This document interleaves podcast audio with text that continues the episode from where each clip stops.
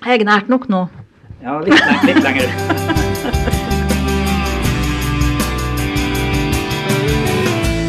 Da ønsker vi hjertelig velkommen til en ny utgave av Folkepodden. Den første etter sommerferien og folk er tilbake på jobb. Med meg i studio så har jeg eh, sjefredaktør Steinulf Henriksen som vanlig, og nyhetsredaktør Maria Holm Simonsen. Etter hvert så skal vi også få inn sportsleder Mathias Brobakk Nordgård. Vi skal snakke litt om eldreomsorgen i Senja kommune og om en ny fotballstjerne fra Finnsnes. Men aller først så skal vi oppsummere litt av eh, sommeren og ferien. Sist vi møttes her i podkasten, så var dere to, eh, Steinulf og Maria, begge ramma av SAS-streiken på hver sin måte. Maria var eh, på ferie, og Steinulf skulle på ferie da streiken var et faktum. Hvordan endte ferien for dere? Maria, du som var stranda nede i Ja, du kan sjøl fortelle hvor du var hen. Ja, var på Kreta. Superflott og fint. Helt Ja. til eh, streik eh, var et faktum og vi var stuck. Eh, vi ble sittende ti dager lenger enn vi hadde planlagt. Det var kjipt. Kjempekjipt. Slukte opp store, store deler av ferien. Så kom jeg hjem til slutt, og da var det jo to, to dager og, så, og ei helg, og så var, var det jobb igjen. Men det endte jo godt. Det endte godt, ja. Men uh, hva dere gjør altså, når du er ti dager på ferie og støkt? Får dere, får dere ha ferie da? Nei. Nei. Det Nei blir da. ikke ferie. Nei, det var kjipe dager eh, på Kreta. Det var ikke ferie i, i det hele tatt. Nei, det var ikke det. Du eh, Steinar, du, var- du var i USA. Du skulle til USA da, da streiken var et faktum, og hadde fly fra Bardufoss til Oslo. Det ble en Mustang-tur ned gjennom, altså en elektrisk biltur ned gjennom Sverige med diverse ladeproblemer. Uh, Du kom deg hjem på normal måte? Ja da, vi gjorde jo det. Vi var jo i motsetning til Maria heldige at eh, streiken var jo eh, over da vi skulle reise hjem etter planen. Så eh, det gikk jo greit. Vi hadde jo en, en eh, krevende tur nedover hvor vi oppdaga plutselig at vi hadde gjort for dårlig research om eh, Nord-Sverige og ladestasjoner. Det var jo elendig. Og vi eh, klarte jo eh, å komme oss nedover der og, eh, til slutt, men det var eh, rekkeviddeangsten. Han eh, kjenner jeg enda på når jeg tenker tilbake når vi var i Luleå med 11% strøm. Men vi kom oss fram, og turen gikk eh, helt normalt. Som sagt, i motsetning til Maria, så, så var vi der et, etter det som var planen, og kom oss også hjem. Og så var vi kjempeheldige med at vi har bekjente som bor rett utenfor Gardermoen. Og sønnen i huset der, han eh, ville gjerne ta seg en roadtrip til Nord-Norge, så han kjørte bilen vår eh, nordover. Eh, og det gikk helt perfekt, for i Norge er det ladestasjoner så du kan planlegge til den minste detalj. Så eh, vi kom oss hjem eh, normalt med det flyet vi skulle komme oss hjem. Hvordan kom han seg sørover igjen, da? da var jo streiken over, for så vidt. Så, så han kom seg greit sørover. Så summa summarum så har det vært en, en grei feriesommer. Sånn. Ja, ikke se på meg. Nei, ikke se på deg. Jeg føler ikke jeg har hatt ferie. Ja. Så, eh, Nei, jeg så skal- det er så. Mm. skal gjerne innrømme at det var litt, sånn, litt god følelse da, da vi hadde bestemt oss ganske tidlig for å ta bobiltripp ned gjennom Sverige. Så når flystreiken kom, så var det liksom litt greit å, å slippe å bekymre meg. Jeg hadde full medfølelse da jeg satt her når dere var på hver sin kant av verden. Du kan være glad du ikke har el elbil, bobil, så du måtte lade i Sverige. For det, det er bare en ny advarsel til folk som skal nedover hvis du kjører elbil. Så eh, legg opp kjøreruta på forhånd. Det var mer bensinprisangst, Ja. for å si det på den måten. Eh, vi skal litt, eh, ta, snakke litt mer alvor her. Senja kommune de hasteinnkalte forrige torsdag til en eh, pressekonferanse om tjenestetilbudet i kommunen. Eh, kort sagt så er det store omstruktureringer som det er snakk om, og som et utvalg foreslår. Maria, du var på den pressekonferansen. Hva, hva var det som kom fram der? Det var jo eh, Rådmannen holdt jo en lang eh, brifing om eh, den prosessen som har pågått nå i masse, masse måneder. Det er jo et bredt sammensatt utvalg som har utreda altså eldreomsorgen. Det er vel kanskje ikke eldreomsorg de bruker som begrep, da, men det er jo til syvende og sist det det handler om. Men de har vært rundt og besøkt eh, sykehjem og sett på ja, og prata med de som jobber der, og på en måte henta inn all informasjon som de trenger. Og eh, har lagt fram da en um, rapport med en konklusjon, og ut ifra det så har jo rådmannen eh, innstilt på ganske store strukturendringer, der man reduserer ganske betydelig antall sykehjemsplasser. Samtidig som man eh, øker på med heldøgns eh, omsorgsplasser. Um, og det er jo også flere andre tiltak som er foreslått, uh, men også store investeringer på bygg rundt omkring. Det er jo også noen som opplever det som at enkelte plasser skal legges ned. Hva de, hva de sier om det? det er jo ikke noe som skal legges ned. Um, det blir jo bare at det blir en annen drift enn det som er i dag. Men sykehjemsdrifta blir jo uh, lagt ned flere plasser, men det skal jo være annen drift. Mm. Så um, det er jo ikke det det er snakk om. Det, som på riksplan så er det jo snakk om å gå over fra sykehjem til hjem, hjemme, mer, hjemmetjeneste, eller uh, hjemmepleie av eldre. Ja, og det er jo det som på en måte også rådmannen prøvde å få fram i, i sin orientering, da, at det her er i tråd med nasjonale føringer som tilsier at man må prøve å satse mer på å tilrettelegge bedre for eldre, sånn at de kan bo hjemme, enten i sitt eget hjem eller i heldøgns eh, boplasser. Steinulf, i en kommentar sist helg så skrev du eh, litt eh, med tittelen eh, 'Svarene må handle om trivsel og trygghet for de eldre og pleietrengende og deres pårørende'. Og nå I et leserinnlegg på fredag denne uka så skriver Senja SV omstrukturering eller dårlig skyldt nedbygging av omsorgstjenestene i Senja kommune. Det har skapt debatt i spalter og kommentarfeltet. Fortell litt, hva er greia? Jo, altså Først er det jo viktig å se at um, det med eldreomsorg og sykehjem og strukturene vi har, det skaper engasjement og debatt. Og det er jo veldig bra. Uh, grunnen til det er jo at uh, de aller, aller fleste av oss har jo enten pårørende, kjenner folk som uh, i, i nær familie som har behov for pleie- og omsorgstjenester. og vi skal jo forhåpentligvis også bli gammel, eh, både vi og andre, sånn at vi på et eller annet tidspunkt kanskje får bruk for de, de samme tjenestene. Så det er jo helt naturlig at det blir en debatt. Denne debatten har jo handla mest om dette som jeg også kan forstå at man ute i distriktet spesielt er redd for at uh, sykehjemmene skal forsvinne, og dermed også omsorgstilbudet blir svekka. Uh, sånn som jeg oppfatter den uh, bredt sammensatte gruppa som er satt ned, som Maria snakker om, og rådmannen, så er det jo man, det man prøver å legge opp til, det er jo fortsatt et godt omsorgstilbud i distriktene. At det, alle de plassene som i dag har sykehjem, skal eh, fortsatt få eh, et godt omsorgstilbud, men at det er basert på at man bor hjemme så lenge som mulig. Og utgangspunktet så høres det fornuftig Det tror alle oss ville ønske å bo hjemme så lenge som det overhodet er mulig, å få den hjelpa man trenger der.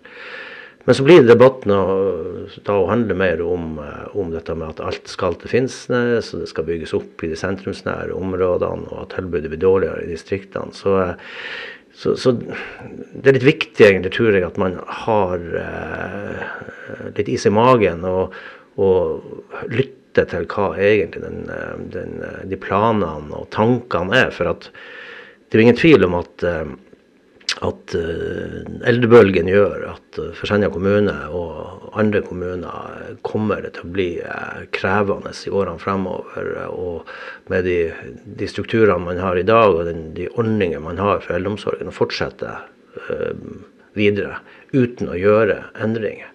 Så Derfor skrev jeg at jeg tror altså, Rådmannen sier at det ikke er økonomi som styrer. Selvfølgelig styrer også økonomi, men jeg tror det, som er viktig her, er å å eh, sette seg inn i hva blir tilbudet for de eldre og de pårørende, og hvordan blir det framtidas tilbud i forhold til, til, dagens tilbud, og ikke tenke så mye på at det skal være et sykehjem i Sifjord, et sykehjem i Gryllefjord, og, og, på Skalaen og Rossfjord og hvor som helst. Altså Det viktige er jo til syvende og sist kvaliteten, trivsel til de eldre. Det er jo ikke heller noe som skal skje over natta, altså til fra 1.1.2023. Det, er jo, det er jo litt langt fram i tid, det her. Det er jo ikke, det er ikke, ikke langt fram i tid, men det er noen år fram i tid. Ja, ja. Um, men uh, jeg syns det var viktig det du sier, Steinulf, om altså det viktige er jo ikke husene. Altså det, det viktige er jo hva som er i husene. Uh, jeg tror ofte man i sånne her prosesser, når det er snakk om struktur og rokke ved den, at man blir så opptatt av selve huset mm. eh, at man glemmer selve tjenesten som skal tilbys til, til folk. Altså følelser? Ja, og så er det sterke følelser knytta til det. Har man hatt et sykehjem i bygda i alle år, så er det selvfølgelig sårt når det ikke skal være det i fortsettelsen. Eller ikke skal hete sykehjem. Ja, for jeg tror det er det som er viktig. Det er jo, jeg tror mange kanskje er redd for at Det har jeg hørt kommentarer fra folk som har eh, bestemor eller eh, noen slektninger som bor på sykehjem og trives veldig godt. Ikke minst med det eh, selvfølgelig tryggheten og god pleie, og sånt, men, men, det sosiale med å være i lag med andre. Men det er jo sånn at selv om man skal uh, satse mer på, på hjemmebasert og, og sånne omsorgsboliger, så skal man jo fortsatt ha et fellesskap. Jeg har sett mange eksempler rundt omkring på at man har laga et fellesskap hvor man bor i, i, eh, en egen bolig, men har felles arena for eh, å møte sosialt og spise og få helsehjelp og hele den pakka der. Så det er jo det som er det viktige. Eh, som Maria sier, det, det, vi, vi, vi, ofte henger oss opp i det, det fysiske. Med, med, hvordan, at det skal være et sykehjem eller Men altså, det, dette handler jo om to stikkord. Det er trygghet og trivsel. Og, eh, og, det tror jeg også man kan få med å gjøre noen endringer. Så det er ikke sikkert at den, det som er foreslått uh, her, er det, er det 100% riktige.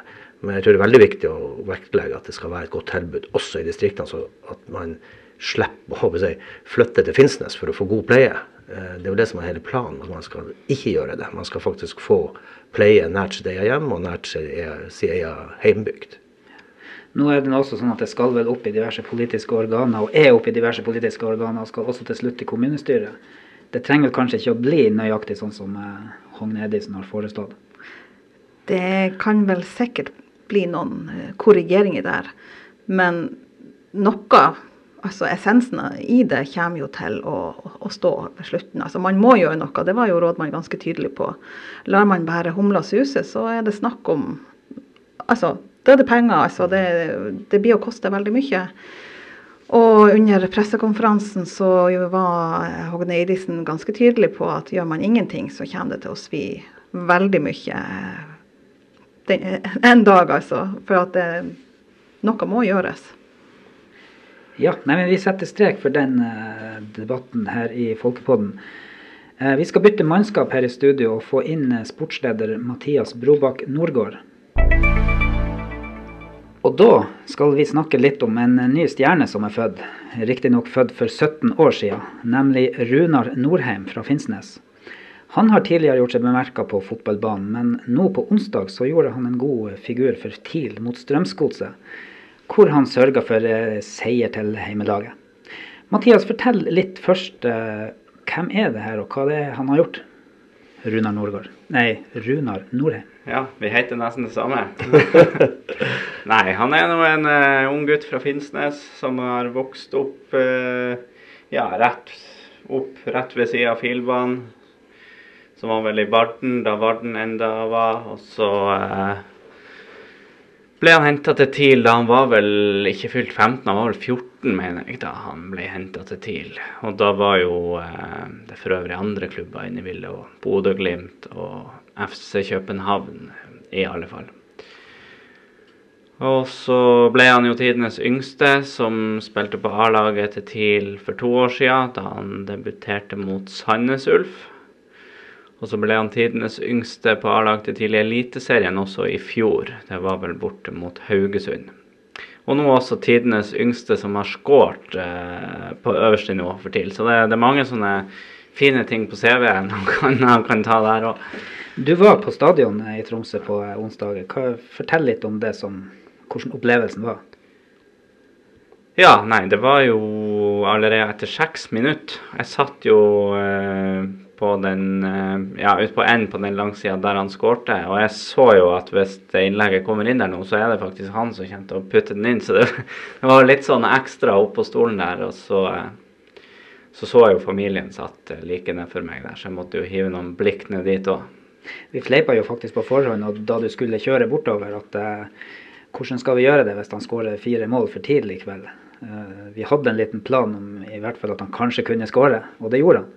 Ja. Fortell litt om jobben dere gjorde der på kvelden etter, etter at eh, dommeren hadde blåst i fløyta. Ja, nei, jeg er jo stort sett på hver kamp. Denne kampen hadde jeg egentlig ikke tenkt å dra på. Det var en onsdag, og skulle jeg orke å kjøre bort dit og, og tilbake igjen. Så kom det ut en sak om at han uh, skulle starte. Da tenkte jeg da må jeg jo nesten fære i tilfelle noe sånt her skulle skje. da. Og det var jo godt jeg var der, da. Så uh, etter kampen så uh, ja, så lagde vi jo en sak på familien, da, som faren og mora og, og, broren som fikk se det her på nært hold. Og, og um, i samarbeid med i Tromsø så fikk vi jo prata med han Runar sjøl også, selvfølgelig. Mm. Og faren og broren de er jo litt engasjert av Folkebladet og kommenterer og filmer live sport, fotball. Ja da. Han Øystein, broren til Runar, lillebroren, han, han, er tekniker. Og så har vi han Robin som faren, som ofte kommenterer kamper for oss. Så vi, vi kjenner dem jo godt. Tiden, tidenes yngste tekniker også. Ja, det, det, ja, det tror jeg òg. Han er vel ja. Så har vi en onkel òg, Sten Gunnar, som er fast skribent i Folkebladet. Sten, Stein, Gunnar Bondevik. Ja, ja. ja, nei, men eh, det er bra. Steinulf eh, Finnsens har i det siste også levert en annen spiller som gjør seg bemerka, nemlig han eh, Emil Konradsen Seide. Fortell litt om han, og hva, og hva det betyr for Finnsnes og Midt-Troms-regionen at lokale utøvere gjør det bra ute i, i Norge og verden. Ja, Det er jo kjempeartig det som skjer nå. for at eh, Det er mange som har snakka over mange år at både Finnsnes og Senja og andre har liksom ikke levert uh, spillere til det øverste nivået, verken i Norge og i hvert fall ikke i, i, utlandet. Så det er jo kjempeartig å se. Bare først uh, litt om han uh, no, Mr. Norheim, som jeg husker som lilleguttespiller. og Han spilte for øvrig på et fantastisk godt uh, lilleguttelag, var det vel sikkert. og Man så jo talentet.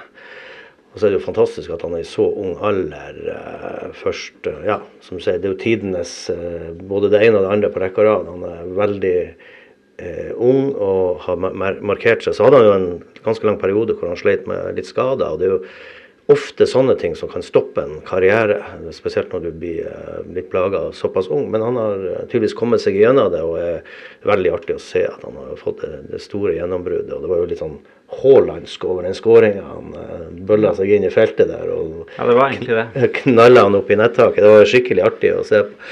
Nei, og Så nevner du den andre. Det er jo en som jeg hadde litt mer med å gjøre, for så vidt. Jeg har aldri vært treneren hans, men uh, har hatt gleden av å ha han med. Han spilte med et sånn blandalag.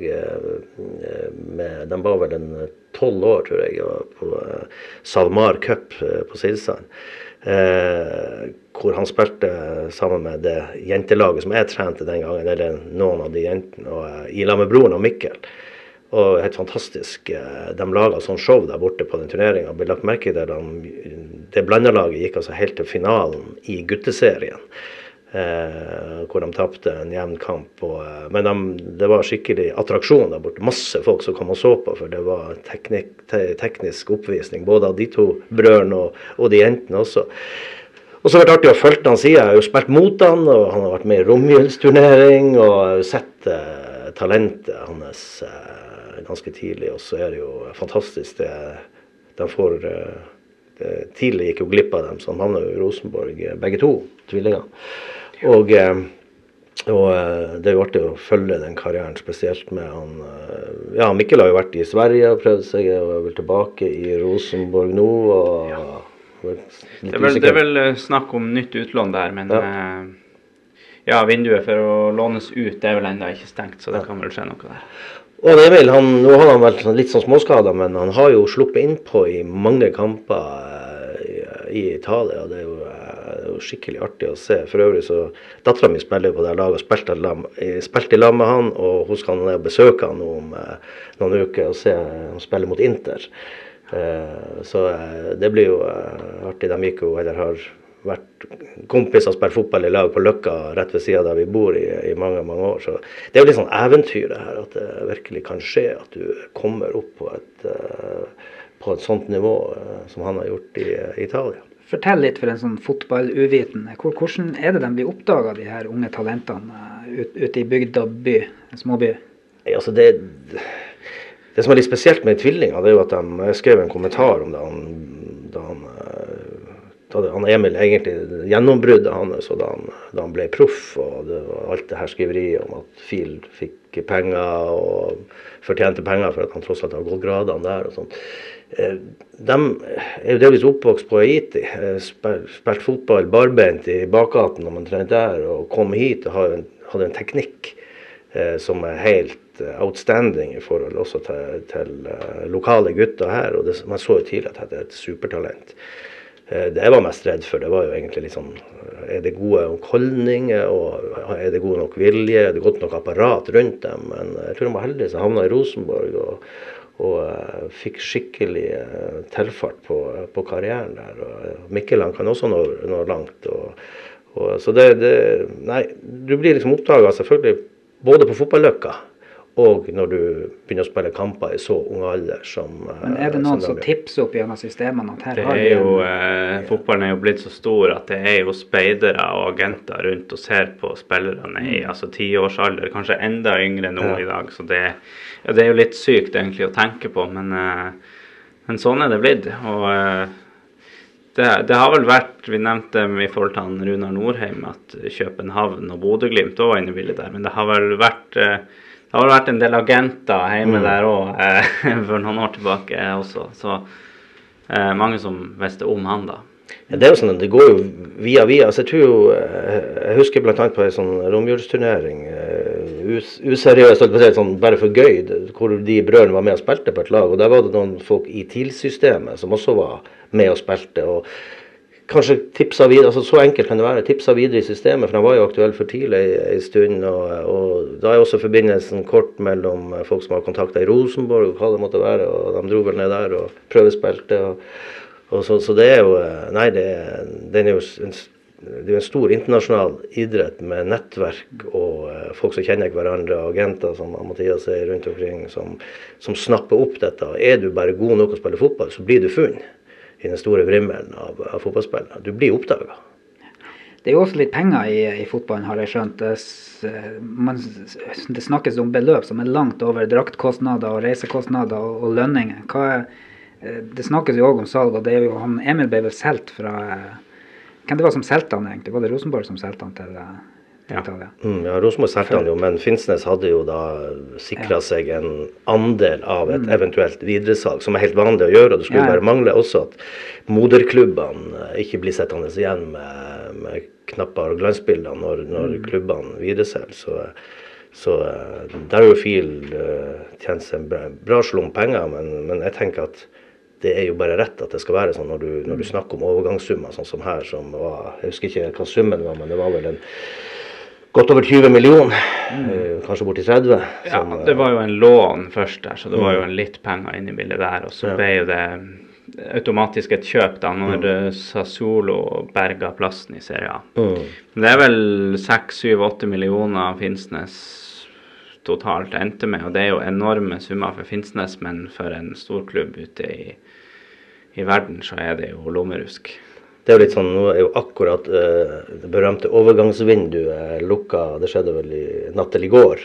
Ja. Eh, og der ser du jo også eh, altså fra summer det er snakk om, så eh, den overgangen til Emil Det var en stor overgang i norsk sammenheng, ja, men i det eh, internasjonale bildet så er det jo helt andre summer. Vi snakker jo om milliard. Det har blitt ganske store summer i Norge da også. Bodø-Glimt har vel brukt eh, rundt 90 millioner i bare i ren spiller... eh, altså i eh, overgangssummer i sommer.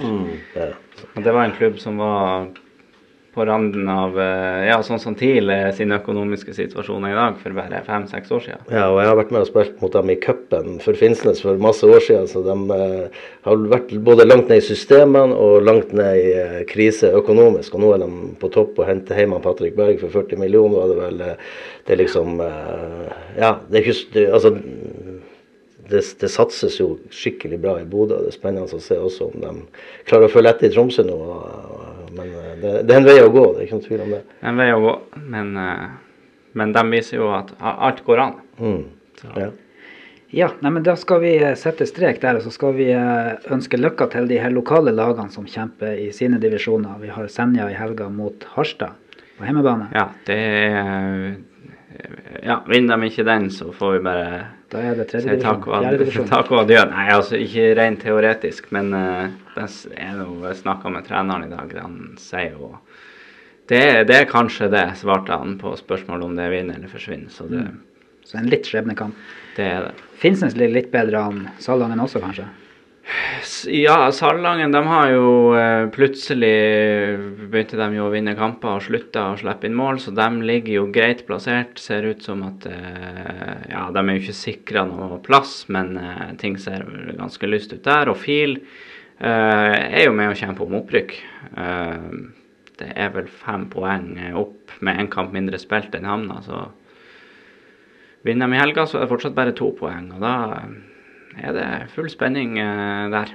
Det er jo litt imponerende med, med FIL, som mange vel egentlig avskrev litt i den tetkampen med at de Ja, jeg må jo innrømme at jeg gjorde det sjøl, sånn ja, ja. ubevisst. Når du mister fem spillere som starter hver eneste kamp, så ja. Men det er artig, den satsinga de har gjort. De har jo bare lokale gutter nå. at Det viser at det går an i hvert fall på fjerdedivisjon, og kanskje et hakk opp også, hvis det satses skikkelig. Så det er jo, og Ikke minst hvis man i tillegg da klarer å produsere talenter som han Runar og han Emil, så er det jo skikkelig artig med, med lokal, for lokalfotball. Ja. Ja, nei, men Da setter vi strek der, og så sier vi lykke til både til Finnsnes og Salangen og Senja i helga. Og Finnsnes og Salangen det kan vi se direkte på Folkeblad TV klokka 14 på lørdag og klokka 14 på søndag. Ja. Og det blir også liveoppdatering fra Senja. Og for dem som har lyst til å se intervjuet etter kampen med han eh, Runar Norheim, så kan de gjøre det òg på Folkeblad TV. Og der kan de også se den fantastiske skåringa. Eh, da sier vi takk for oss. Eh, I studio her så har vi altså hatt han eh, sjefredaktør Steinulf Henriksen, sportsleder Mathias Brobakk Nordgård og nyhetsredaktør Maria Holm Simonsen. Jeg heter Trond Sandnes, og vi ønsker dere ei god helg.